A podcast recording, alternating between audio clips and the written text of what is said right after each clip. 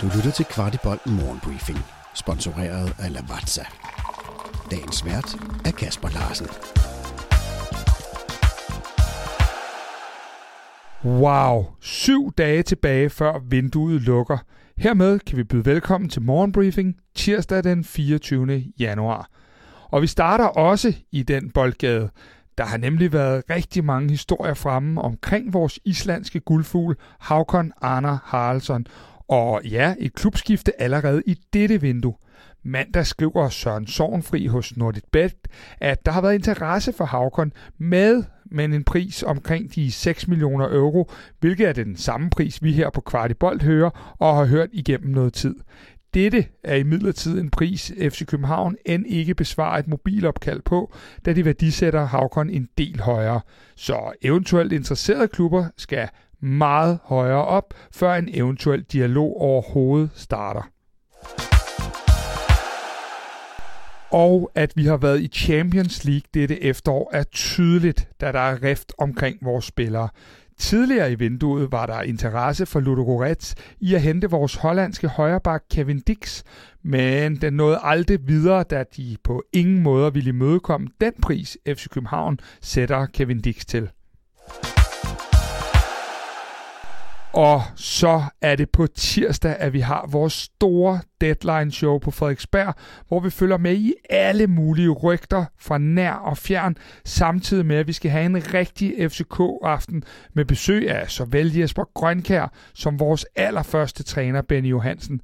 Vi skal også tale guldduel, evaluere vinduet og meget mere. Og så er der ovenikøbet fri ølbar den første time. Jeg smider lige et link øverst i shownoterne til et køb af de her billetter. Vores gamle stjerne Jonas Vind fik i den grad gang i 2023. Med to mål for Wolfsburg i sejren på 6-0 over Freiburg fik Vind lidt revanche for et skadespladet efterår og et VM, hvor han ikke kom i kamp for Danmark. Stærkt gået, Jonas. Vores eget U17-hold er også kommet i gang efter vinterpausen. Martin Vingårds tropper spillede første træningskamp mod B93 og fortsatte de gode takter for efteråret med en stor sejr. Drengene skal gerne stå helt skarp lørdag den 18. februar, hvor turneringen genoptages med en hjemmekamp mod OB. Vi husker alle den januar måned, da vi præsenterede Victor Fischer i København – Victor tog os alle med storm og var en gigantstjerne både på og uden for banen, indtil en slem ankelskade gjorde, at han aldrig fandt sig selv helt i København igen. Fischer skiftede som bekendt til Royal Antwerpen, hvor han nu også ser ud til at være kommet i overskud.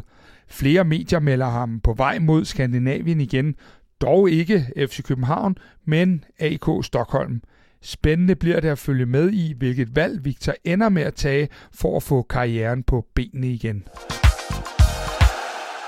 Og vi slutter lige af med Victor Christiansen, for vi var nok mange, der lige mærkede en tidlig pollensæson, da vi læste Victors rørende afsked på Instagram til alle i og omkring FC København. Tipsbladet har talt med en engelsk journalist, der beretter, at VK hentes ind for at spille med det samme, og at fansene i Leicester glæder sig over, at der er investeret på netop den plads.